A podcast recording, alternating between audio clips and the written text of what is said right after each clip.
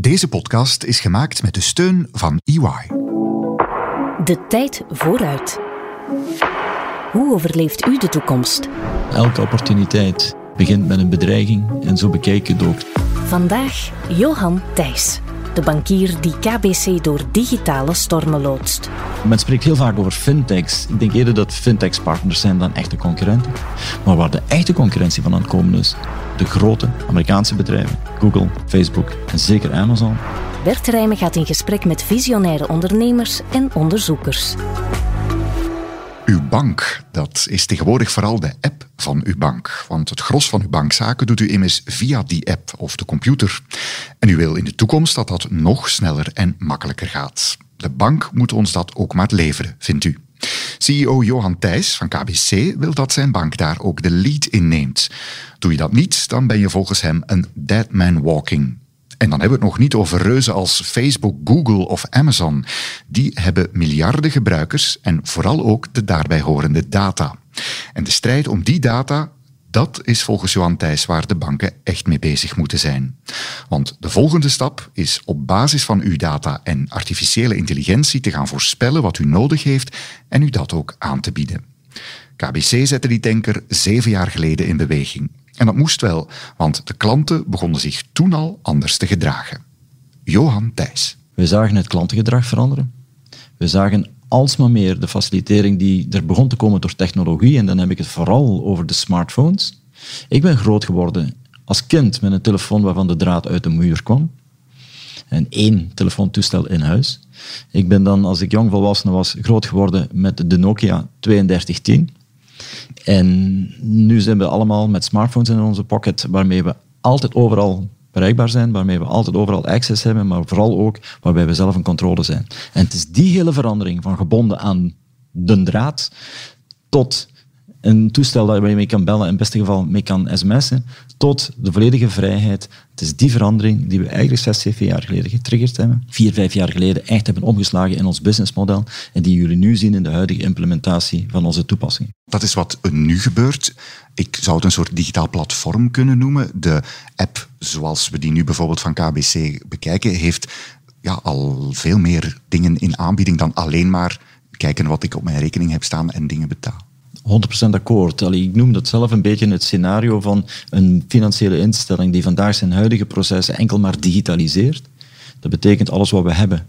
En via tussen van, van mens tot mens, van vlees en bloed, aan elkaar aanbieden. En we gaan dat nu omslaan naar een digitale toepassing. Ik noem dat het dead man walking scenario. Ik geloof niet dat dat toekomstbestendig is, want dat is waar klanten niet alleen maar nog naar kijken. Wat wij aan het doen zijn, is we bieden diensten aan die aan zich niks meer te maken hebben met bankieren, maar die wel te maken hebben uiteraard met financiële stromen. Mhm. Als wij bijvoorbeeld in onze app treintickets aanbieden, in overeenstemming met de NMBS, dan gaat het niet zozeer over het feit dat daar een financiële service aan zit, maar dan gaat het wel het feit aan dat de klant en op een heel gemakkelijke manier via onze app treintickets kan bestellen dat wij dat 100% met zekerheid faciliteren, dus dat het met andere woorden super veilig is, en dat we alle hassle, zoals ze dat zeggen, alle ja, vervelende dingetjes uit zijn handen nemen.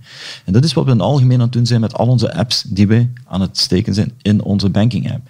We gaan, zoals men dat zegt, voorbij het traditionele bankieren. In het Engels noemen we dat beyond banking, en dat vat het eigenlijk mooi samen. We bieden diensten om de klant te faciliteren. Die diensten die u dus ook mee aanbiedt, wat heeft u daar dan als bank eigenlijk aan? Is dat, is dat ook een businessmodel of ja, zijn er andere winsten die u daar als, als bank uithaalt? Het uitgangspunt is dat we onze klanten willen faciliteren in waar ze mee bezig zijn. En overal, heel vaak is het zo dat je daar geld voor nodig hebt. En Mhm. Dat is onze drijver. En je verwees net naar het woord platform. Dat is een soort van platform Mhm. dat we aan het bouwen zijn, inderdaad, waarop onze klanten gebruik van kunnen maken. En het is vooral voor gebruiksgemak te kleren voor onze klanten. En wij geven dan de veilige onderbouw daarvan, gegarandeerd door een financiële instelling. Nu, wat we aan het doen zijn, is een soort van ja, een ecosfeer aan het creëren, waarin klanten eigenlijk kunnen gedijen, zonder dat ze bij wijze van spreken onze app moeten verlaten. En dat gaat zeer breed. We hebben nu vandaag een 10, 15-tal services die we aanbieden, maar in de toekomst blijven we dat verder uitbouwen. En Weet u, dat is geen rocket science. We hebben dat niet allemaal zelf uitgevonden. Ik kijk naar Chinese voorbeelden zoals daar zijn. Eh, De, de WeChat-app van de Chinese producent Tencent, die daar nog veel verder in gaan. Wat zit erin voor ons? We leren natuurlijk heel veel door dit te bouwen. En wij bieden alsmaar betere services aan, omdat we uit de data die we krijgen natuurlijk zien wat klanten appreciëren, wat ze nodig hebben. En als we daar dan op inspelen, dan verbeteren we de, de, gebruiksvriendelijkheid van onze app, waardoor onze klanten super tevreden zijn en bij ons blijven. De klanten tevreden en u, en het woord is gevallen, data, u haalt er misschien financieel zit daar ook wel een, een verdienmodel in. Nee, tot nu toe is die volledig gratis. Dus het enige wat wij doen is gewoon service. we, mhm. doen, we hebben daar 0 euro winst op. Maar dan is de echte winst die data die u hoofd, het, het, zicht op wat uw klanten of, of mensen in het algemeen nodig hebben, gebruiken en wat ze daarmee doen. Is dat dan de goudader of de goudmijn waar u op mikt met dit soort van open platformen? Ik ben natuurlijk een beetje biased, hè, want ik ben een heel sterker gelover in data en het gebruik van data science en het gebruik van artificiële intelligentie. Ik ben mhm. ooit zo opgeleid geweest dus ik ben een beetje verstekend. Dus neem wat ik zeg binnen die context. Maar laten we eens kijken naar wie vandaag onze concurrenten zijn. We hebben de traditionele financiële instellingen, traditionele banken, de traditionele verzekeraars. Men spreekt heel vaak over fintechs. Ik denk eerder dat fintechs partners zijn dan echte concurrenten. Maar waar de echte concurrentie van aan het komen is, dan heb ik het over de grote, meestal Amerikaanse bedrijven, morgen ook wellicht Chinese bedrijven, mhm. als Google, Facebook en zeker Amazon die ook diensten aan het aanbieden zijn. Nu, al die bedrijven die ik heb opgenoemd, ik kan ook de Chinese equivalent ja. opnoemen hoor, maar al die bedrijven die ik heb opgenoemd, hebben één grote kracht. Ze zijn onvoorstelbaar krachtig in het analyseren van data, uit die data informatie te halen over hun klanten en daar dan op in te spelen met een businessmodel die eraan gelinkt is. Afhankelijk van het bedrijf, bijvoorbeeld voor Google is dat heel duidelijk advertising. Nu, omvang telt. Mhm. En in deze context is meer data meer wisdom en betere service.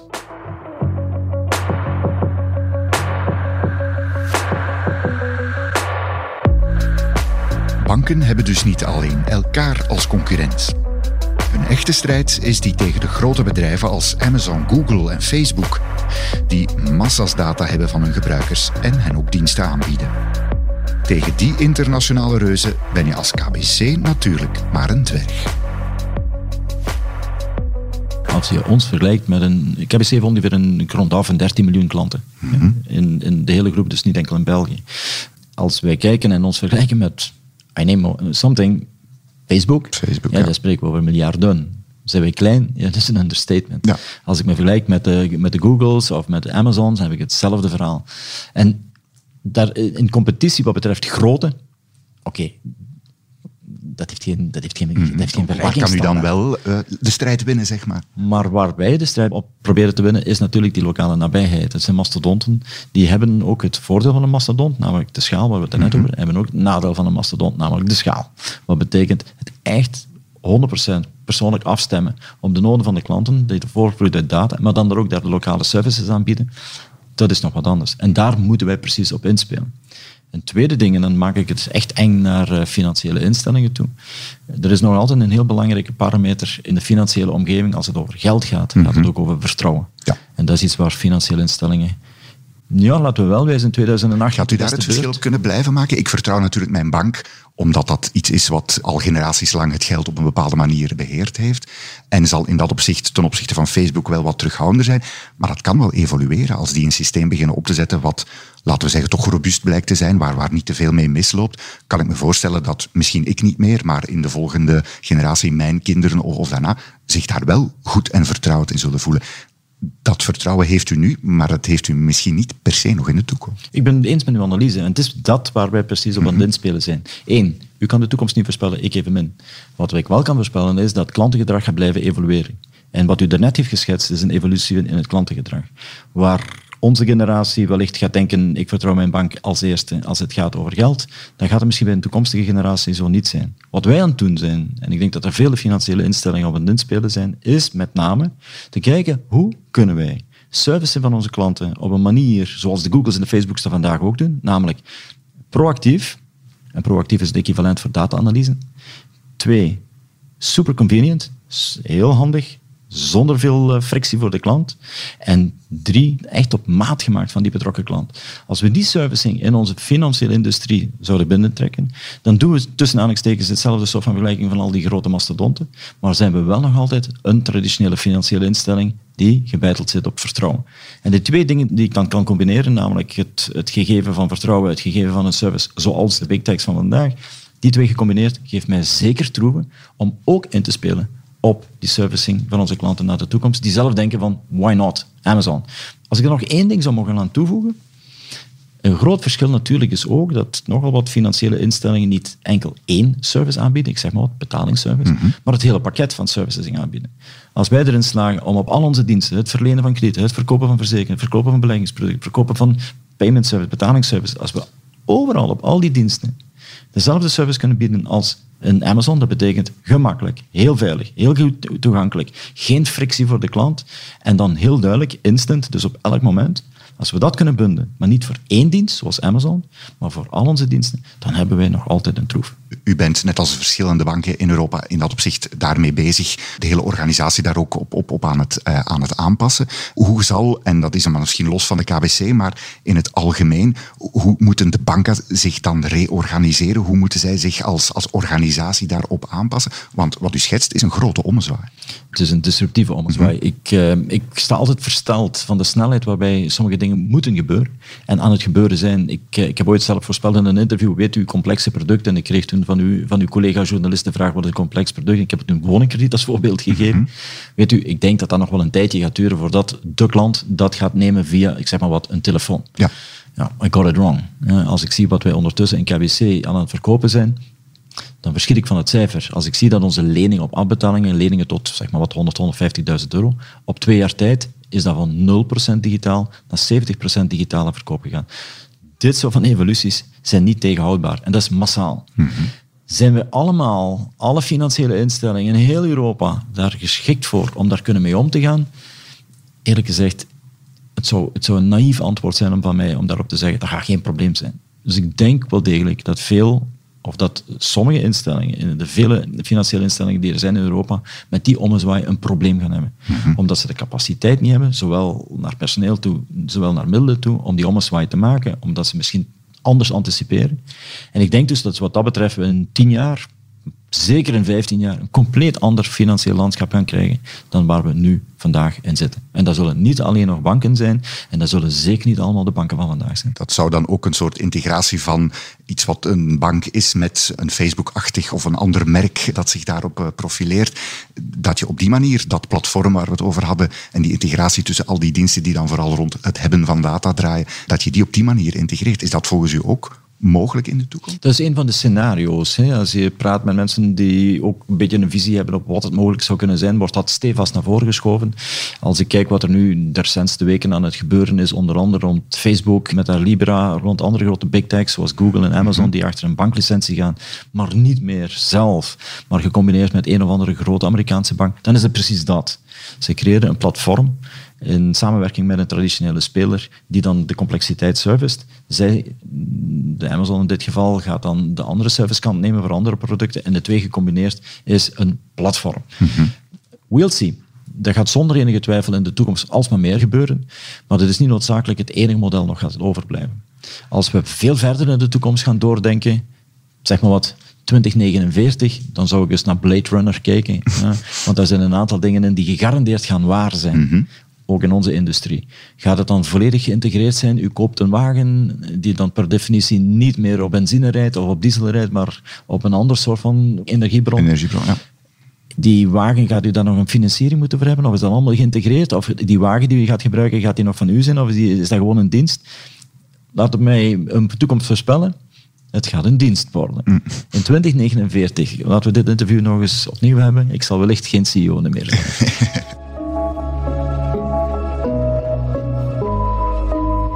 Niet alle banken zijn volgens Johan Thijs voldoende gewapend voor die grote stap vooruit en de strijd met een Amazon of Google over de data.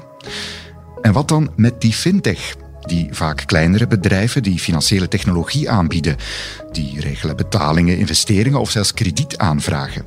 Eten die niet een deel van de winsten van de banken op? Johan Thijs is daar niet echt van onder de indruk. Fintechs beschouw ik niet zozeer als een probleem, ik beschouw het als een uitdaging en ik kijk heel goed naar wat zij aan het doen zijn. Als ik uh, zie waar sommige fintechs mee bezig zijn, dan is dat inderdaad gebruiksvriendelijk, dat is eenvoudig, enzovoort. En wat wij in KBC doen, en ik zie dat nog in andere financiële instellingen, traditionele financiële instellingen, dat is dat ze daarnaar kijken en ook proberen in te trekken in hun eigen toepassingen. in de KBC-toepassingen die ik uiteraard het beste ken, is dat de standaard. Anders uitgedrukt, de gebruiksvriendelijkheid die ik zie bij fintechs, maar zeker ook de gebruiksvriendelijkheid die eigenlijk van origine komt van de Googles en de Amazons en de Facebooks van deze wereld, die gebruiksvriendelijkheidsstandaard steken wij in onze toepassing. In die context, als we dit kunnen blijven doen, en we doen dat dan voor al onze diensten die we aanbieden, en niet enkel bijvoorbeeld, maar voor betalingssystemen, dan is dat aan zich geen bedreiging. En wat is een bedreiging in mijn betekenis nu? Dat is, it's not going to kill the banks. Mhm. Het gaat natuurlijk een hap nemen uit onze winstgevendheid, daar gaat het niet over, maar het is geen killer app, zoals de Amerikanen dat zeggen. Anderzijds, ik eh, vraag me soms af hoe sommige van die fintechs hun toekomst definiëren. Wij werken met KWC heel veel samen met fintechs, maar fintechs die ook heel vaak in de kranten verschijnen, als zijn de runner-ups in de revolutie van deze wereld. Als je dan kijkt naar een model, dan trekken die nogal wat klanten aan. België is een beetje een uitzondering, maar in, Engeland of in Ierland of noem maar op, trekken ze wel wat deposito's binnen. Die cijfers zijn nog redelijk beperkt. Maar wat vooral striking is, wat vooral toch wel verbazend is, is de opstapeling van verliezen. En dat heeft een beetje te maken met een huidige businessmodel. Zoals ik er nu naar kijk, is een businessmodel vooral geënt op het vergaren van klanten, eerder dan op een duurzaam model, namelijk ook winst maken en die winst gebruik je dan nu opnieuw om te investeren in de toekomst. Dus vroeg of laat gaat men dat businessmodel moeten veranderen. Want nu wordt er gewoon telkens ja, risicokapitaal ingestoken door investeerders. En dat gaat over veel geld. Dat risicokapitaal wordt telkens opgegeten. En dan moet er nieuw kapitaal ingestoken worden. En zo blijft die cyclus maar duren. Maar vroeg of laat moet er dus een kentering in komen. Men blijft daar niet oneindig kapitaal in steken. Met andere woorden, als het businessmodel niet gewijzigd wordt, tja, dan zie ik daar niet veel positieve evolutie in komen. Bon, we zullen zien wat de toekomst brengt. Wij beschouwen het dus als een referentiepunt. We hebben heel veel samenwerking met, uh, met fintechs. Uh, maar mijn bedreiging zit niet bij de fintechs. Mijn bedreiging zit bij de Googles en de Amazons van deze wereld. Straks meer de tijd vooruit, maar eerst een boodschap van onze partner EY. Hallo, ik ben Francesca van Thielen. Luister nu naar Inzicht. Er is ook veel meer sluikstort dan vroeger. Een podcast over ondernemers en de drive om hun bedrijf digitaal te transformeren. En dat is ook hetgeen wat je met je data analytics in kaart kan brengen. Hè? We gaan op zoek naar hoe het hun businessmodel en onze maatschappij fundamenteel kan veranderen. Als je juiste mensen hebt en goede ideeën, dan kan er eigenlijk eender wat ontstaan. Inzicht, een podcast van EY in samenwerking met Tijd Connect. Stad Gent moet proper zijn. Op je favoriete podcast-app. De tijd vooruit. Google en Amazon dus, of gelijkaardige giganten. Johan Thijs wil hen bestrijden met data en vooral ook met artificiële intelligentie. KBC wil klanten voorstellen doen voor diensten of producten die ze nodig hebben, nog voor ze daar zelf aan denken. Nu, we hebben de eerste experimenten gedaan in KBC rond data science big data, zoals het dan in de volksmond genoemd wordt, rond artificiële intelligentie is iets later gekomen. Maar de eerste experimenten hebben we gedaan in 2000, 2001. En dat is van hieruit vergeleken de prehistorie. Ook toen hebben we gezien wat een onvoorstelbare kracht er zit in de data. En een van de redenen waarom KBC een bankverzekeringsmodel heeft, is precies het feit dat wij data kunnen combineren vanuit de bank en het verzekeringsbedrijf voor individuele klanten, voor een individuele noden. En dat is superkrachtig. Die data zijn ik noem dat data is een nieuwe elektriciteit.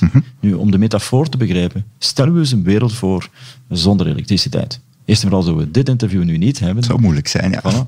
Maar stellen we eens voor dat data inderdaad in die context een nieuwe elektriciteit is. Kijk eens welke toepassingen er gebouwd zijn op elektriciteit. Kijk eens welke toepassingen dan mogelijk kunnen gebouwd worden op data. Als je die parallel doortrekt, dan zijn de mogelijkheden oneindig. Instellingen zoals de onze, Financiële instellingen in KBC zijn we natuurlijk zeer breed gekoppeld bij een bankbedrijf, verzekeringsbedrijf en Jullie weten echt ongelooflijk veel van mensen en hun En wij hebben dus wat dat betreft inderdaad veel data. Wat wij doen in ons bedrijf is die data vertalen op individuele basis naar informatie die we voor de individuele klant gebruiken om hem of haar beter te servicen. En nu komt het keyword volgens mij, het sleutelwoord, om een proactieve service te bieden. Ja. En dat gaat de toekomst zijn. Het gaat Jullie kunnen mij als klant dan eigenlijk op basis van informatie zeggen, misschien zelfs nog voor ik er zelf mee bezig ben, ja, u zou misschien op dit moment dit nodig kunnen hebben, op basis van wat u al van mij weet. Is dat waar u op uit bent?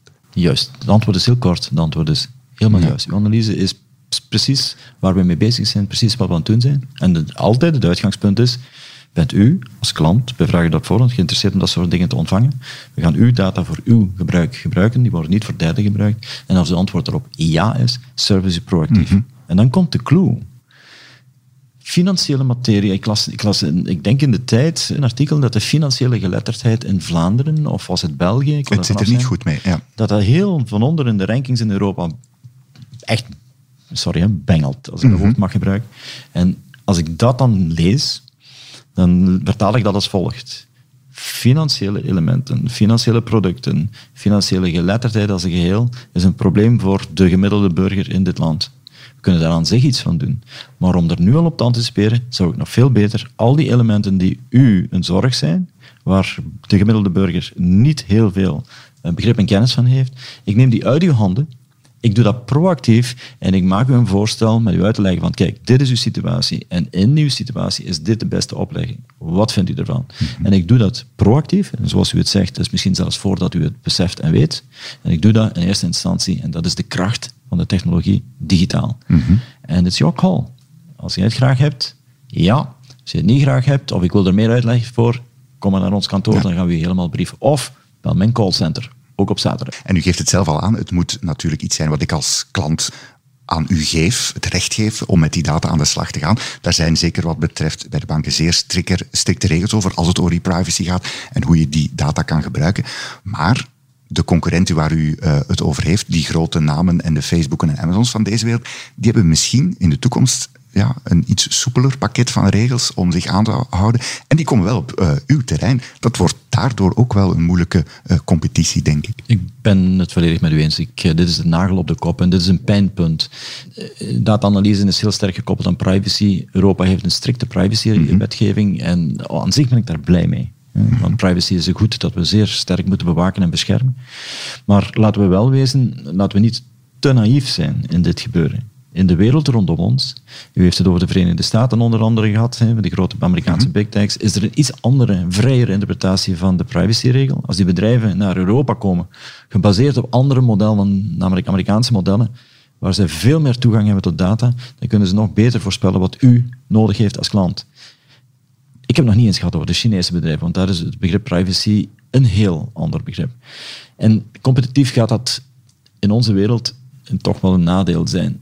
Maar ik herhaal wat ik gezegd heb. Ik vind privacy een belangrijk goed. Ik vind dat we dat moeten beschermen. Maar laten we niet te naïef zijn. Dat betekent ook regelgevers dat ze heel goed moeten beseffen dat de wereld rondom ons anders is. Mm -hmm. En dat ze heel goed ook die andere partijen moeten reguleren naar privacy. Zeker als ze in Europa diensten willen aanbieden. Want er zijn zelfs evoluties, dat zelfs in Europa, die privacy, men, men probeert ook data, laten we zeggen, te ge, laten gebruiken door anderen. Eh, of door daar in ieder geval ook een, een, een wettelijk kader eh, voor te creëren, zodat de, die uitwisseling van data tussen wat een bank bijvoorbeeld heeft of een ander bedrijf, dat dat, dat, dat mogelijk is. Daar zijn stappen in, in gezet. Um, Zitten daar volgens u veel gevaren in? Uh, men, de, de, wetgever probeert dat denk ik wel goed, goed af te bakenen. Maar ja, je weet niet wat er gaat komen en wat men uiteindelijk, uh, wat in die uitwisseling, waar de data allemaal terecht gaan komen. Mm. Ook dat is voor, voor mij als gebruiker een zorg. Terechte zorg ook. En ik denk ook dat het een zorg moet zijn van ons allemaal. Ik zie ook dat Europa stilletjes aan begint te beseffen dat een aantal maatregelen die men genomen heeft, in, laat ik zeggen, twee, drie jaar geleden, het recente verleden, dat men wellicht ja, toch wel een beetje ver gegaan is in het openstellen van een aantal toepassing. Bijvoorbeeld, als ik het bekijk in de financiële industrie, heeft men ons verplicht om de data, de financiële data van klanten openstellen voor derde partijen, die daar wel dan een, een toelating voor moeten krijgen. Maar men begint nu toch ook wel te beseffen dat men wellicht daar een beetje te ver aan het gaan is. Mm -hmm. Met name, wie is erin geïnteresseerd? U kan het al raden, de grote mastodonten, waar Europa geen grip op heeft. Men kan wel een aantal dingen beperken. Ik, ik vind dat mevrouw Vestager supermooi werk levert in haar domein, maar het is een uitdaging. De Chinese bedrijven hoef ik nog niet te vermelden. Men begint te beseffen, zouden we hier ook geen Europees alternatief moeten creëren? Want dat is één van mijn bezorgdheden. Ik heb het over Google gehad, ik heb het over Facebook gehad, over Amazon. Ik kan het over de Chinese varianten daarop hebben, mm -hmm. over Alibaba, over Tencent, over Baidu. Maar noem een Europese variant daar eens op. En dit is precies het probleem. Die bestaat gewoon niet. En willen we wat dat betreft in deze wereld, die alsmaar verder gaat in de beschikbaarheid van data, die alsmaar verder gaat in het kunnen behandelen van data, computer power, willen we in deze wereld echt geen Europese alternatieven hebben? Vraagteken. ik, lijkt me bijzonder onverstandig. Onverstandig, maar je kan dat niet zomaar ja, uitvinden of in een wettekst schieten van we moeten dat zo doen. Ja, we hebben daar misschien als Europa de boot gemist. Al. dat is wat Europa nu een beetje aan het doen is. Mhm. Nu worden de financiële KBC zit er onder andere tussen. Wij worden nu gevraagd om mee te delen in een systeem waarbij we met Europese banken een Europees betalingsplatform aan het bouwen zijn. Guys, ja, perhaps five years too late. Ja? We hebben als KBC vier, vijf jaar geleden een eigen betaalsysteem op poten gezet. We hebben daar gebruik gemaakt van collega's van andere financiële instellingen, onder andere met ING van in het begin. Later is daar ook nog BNP en Belfius bijgekomen. En dat is een platform dat in België en Nederland gebouwd is. Dat is perfect volgens de nieuwe regels. Maar met alle respect, het is nog altijd maar een platform in deze twee landen. We proberen dat nu open te trekken naar Frankrijk, naar Duitsland en andere landen. Maar dat zou een Europees platform kunnen worden. Maar dat is een initiatief van, de, van bewijs van spreken privé, terwijl dat ik zie dat nu op niveau van bijvoorbeeld de ECB, de Europese Commissie, men begint te denken van oei, de grote concurrenten zijn Amerikanen, zijn Chinezen, data wordt alsmaar belangrijker en we hebben geen Europees alternatief. En we hebben de poorten van onze eigen systemen bij wet opengezet voor die buitenlandse concurrenten. Is dit wel verstandig? Een beetje somber uh, vraag die u daarmee opwerpt. Ik heb altijd zoiets van elke opportuniteit hè, begint met een bedreiging en zo bekijk ik het ook. Dus ik ben wat dat betreft een beetje positief van instelling. Ik ga er altijd vanuit, laten we iets wat bedreigend is maar gebruiken om onze eigen toekomst toch maar te verbreden. Maar in deze denk ik dat we te veel achterstand hebben uh, opgelopen om zomaar te zeggen, ik ben comfortabel dat de oplossing die we gaan vinden uiteindelijk de overwinning gaat bezorgen. Europa hinkt volgens Johan Thijs dus behoorlijk achterop. We hebben geen grote big tech zoals in China of de VS en de overheid lijkt zich niet voldoende bewust van de datadeuren die openstaan. Niet meteen een rooskleurig beeld. Toch kunnen we bijvoorbeeld van de Chinezen wel wat leren. Als ik zie hoe, China haar economie aan het stimuleren is, kan ik daar honderd dingen commentaar op geven, maar ik kan er ook honderd dingen positief over zeggen. En als ik dan kijk hoe zij zich aan ontwikkelen zijn, onder andere in het hele digitale gebeuren, dan denk ik, dit is bijzonder knap. En in China is de instelling natuurlijk, het individu heeft daar een bepaalde rol, maar het collectief heeft er nog een veel grotere rol. En in deze is het collectief natuurlijk een heel belangrijk mhm. gebeuren. Of ik het allemaal eens ben met de manier waarop en hoe het wordt uitgevoerd en hoe het geïmplementeerd wordt, dat is echt nog wat anders. Want ik denk, ja, we hebben met westerse standaarden rond ethiek, rond privacy, toch wel een iets andere definiëring. Maar als leermodel, als aanpak, als ja, een werkwijze voor de toekomst voor te bereiden, denk ik wel dat ze op het juiste, op het juiste traject zitten. Mhm. En dus gaan we die morgen over ons heen krijgen. Ja, ze hebben alle middelen om dat te doen. Ik zou niet de burgers de kost willen geven die hier in België op eh, Chinese websites ondertussen van allerlei spulletjes aan het bestellen zijn. Dus ze zijn al hier. En in een digitale wereld is een fysieke nabijheid niet vereist om heel veel delen uit onze economie te halen. Hebben het gehad over de verandering voor gebruikers, voor de veranderingen voor u als bank. Misschien zit daar nog wel een element tussen voor de bedrijven in Vlaanderen, de bedrijfsleiders, mensen die leidinggevend zijn, die, die managen. Hoe moeten zij hun bedrijven, en dat is, uh, besef ik, een ongelooflijk open vraag, daarop uh, op aanpassen? Want u beschrijft een, een, een evolutie uh, met de verandering van data en het gebruik van die data en hoe u daar als bank in gaat evolueren. Als bank bepaalt u denk ik ook ongeveer een soort ecosysteem van, laten we het dan de Vlaamse of Belgische economie uh, noemen. Hoe moet ik als Vlaams-Belgisch bedrijf uh, daar, daar naartoe kijken? Moet ik er al van uitgaan dat ik nog veel meer onderdelen van mijn bedrijfsvoering ook aan data of aan andere grootte ga moeten koppelen? Daar gebeurt heel veel. En u heeft als, als bank het voordeel om uh, misschien heel veel mensen in huis te hebben om daar goed over na te denken. Iemand als een bedrijfsleider uh, zal daar wat minder ruimte voor hebben. Weet u, dat is precies de uitdaging van elke bedrijfsleider. En het is niet aan mij om, om al onze Vlaamse mhm. bedrijfsleiders lessen te geven. Wie ben ik om dat te doen? Wat ik altijd als raad meegeef is, kijk vooral goed wat, en dan heb ik het over de algemene klant, hoe de klant zijn gedrag aan het wijzigen is. Want elk bedrijf, elk bedrijf dat in een economie zit die ook draait op winst uiteraard, kijkt naar uiteindelijk één ding. Hoeveel klanten heb ik? Hoe brengen mijn klanten bij? En hoe kan ik daarop inspelen? Wanneer die klant, en nu heb ik het over de algemene klant, zijn gedrag begint te shiften en je speelt er niet op in, en dat op inspelen is dus proactief, en dat is dus de uitdaging, ja, then you're dead man walking. Mhm. Dan is het gewoon een kwestie van tijd. Nu, wat bedoel ik nu met de algemene klant? Natuurlijk, ik kijk vanuit de financiële industrie naar de diensten die wij aanbieden. En diensten die wij aanbieden zijn niet tastbaar. Ik bedoel, ik produceer geen tafels en geen stoelen. Dus ik heb nog een iets ander aspect. Dus de parallel trekken, een beetje voorzichtig zijn. Maar wanneer ik spreek over de algemene klant, dan spreek ik over de consument in het algemeen. En ik kijk naar zijn gedrag, niet noodzakelijk in de business die de mijne is.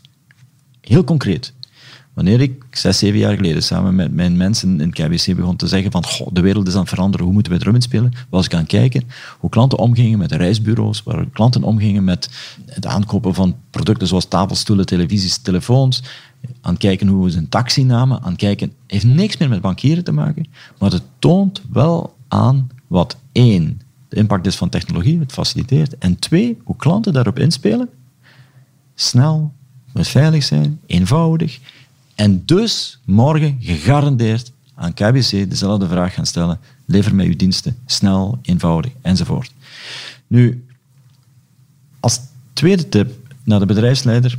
Weet u, in uw activiteit, als u die vragen begint te beantwoorden, het kan geen kwaad als u dat zelf nog niet kan aanbieden, tot de dag dat iemand het alternatief aanbiedt. En dan heeft u een probleem. En het is dat waar men precies moet anticiperen. Dus kijk hoe de burger zijn gedrag aan het wijzigen is. Kijk hoe dat voor uw bedrijf mogelijk zijn impact kan hebben. En dat hangt afhankelijk af van de bedrijfsactiviteit. En kijk of er al initiatieven ergens in de wereld aan het ontstaan zijn die daar een alternatief voor kunnen zijn. En probeer dat alternatief in uw omgeving voor te zijn. Want als u daarmee wacht, dan hebt u potentieel een probleem. En moet ik mij dan vooral proberen te koppelen aan bijvoorbeeld een groter platform? Of moet ik daar vooral proberen te zoeken naar hoe ik daar toch nog sneller, vooral uh, hoor ik u zeggen, uh, in moet zijn? Of origineler? Het zal een combinatie zijn, neem ik aan. Het is een combinatie van vele dingen en alles wordt bepaald door de bedrijfsactiviteit. Mm -hmm. Wat KBC zegt, bijvoorbeeld, ik ga nu ons voorbeeld nemen als, om het wat concreter te maken. Weet u, we hebben dat de hele tijd al gesproken over data, over proactief anticiperen, over artificiële intelligentie. KBC heeft 20 patenten op technologie, om maar iets te zeggen. Dat is natuurlijk een toekomst die niet vandaag op morgen meteen gaat geïmplementeerd zijn. Ik heb nog altijd in dit land meer dan 500 kantoren, waar we nog alle dagen mensen ontvangen, waar we mensen nog altijd servicen. En ook morgen en ook binnen vijf jaar gaan we nog altijd mensen in kantoor ontvangen. Omdat bepaalde mensen noden hebben om geserviced te worden via digitale toepassingen. Maar diezelfde mensen voor bepaalde producten ook de nood hebben om een gesprek te hebben met iemand van vlees en bloed. En dan moet je dat servicen, want in deze context uiteraard de klant bepaalt. Vertaal dat nu naar de Vlaamse ondernemer of de Vlaamse bedrijfsleider. Afhankelijk van uw activiteit ga je hetzelfde beeld hebben. Sommige dingen kan je digitaal servicen, sommige dingen überhaupt niet. Het kan zelfs zijn dat uw hele bedrijfsactiviteit niet die digitaal te servicen is. Don't do that. Maar wat je wel moet doen, is verdomd goed weten waar je mee bezig bent. Je data analyseren, weten wie je klanten zijn, hoe je klanten eruit zien, hoe ze zich gedragen, wat ze nodig hebben, wat ze morgen nodig hebben en hoe al die parameters aan het veranderen zijn. Beluister meer van De Tijd Vooruit op Spotify, Apple Podcasts of via tijd.be.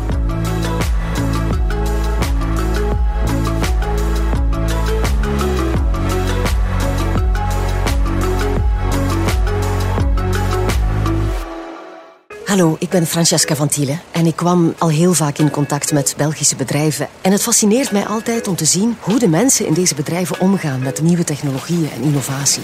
Als je op de straat zou het vragen van ja, digitalisatie binnen afvalverwerkingssector, ik zou zelf moeilijkheden hebben om met ideeën op de proppen te komen. En daarom mag ik samen met EY op bezoek bij bedrijven en organisaties die volop bezig zijn met innovatie. Nu ga ik ze openen, die zakken, en kijken naar wat er in het adres in zit. We gaan op zoek naar hoe het onze maatschappij fundamenteel kan veranderen. Er is ook veel meer sluikstort dan vroeger. Inzicht, een podcast van EY in samenwerking met Tijd Connect op je favoriete podcast-app.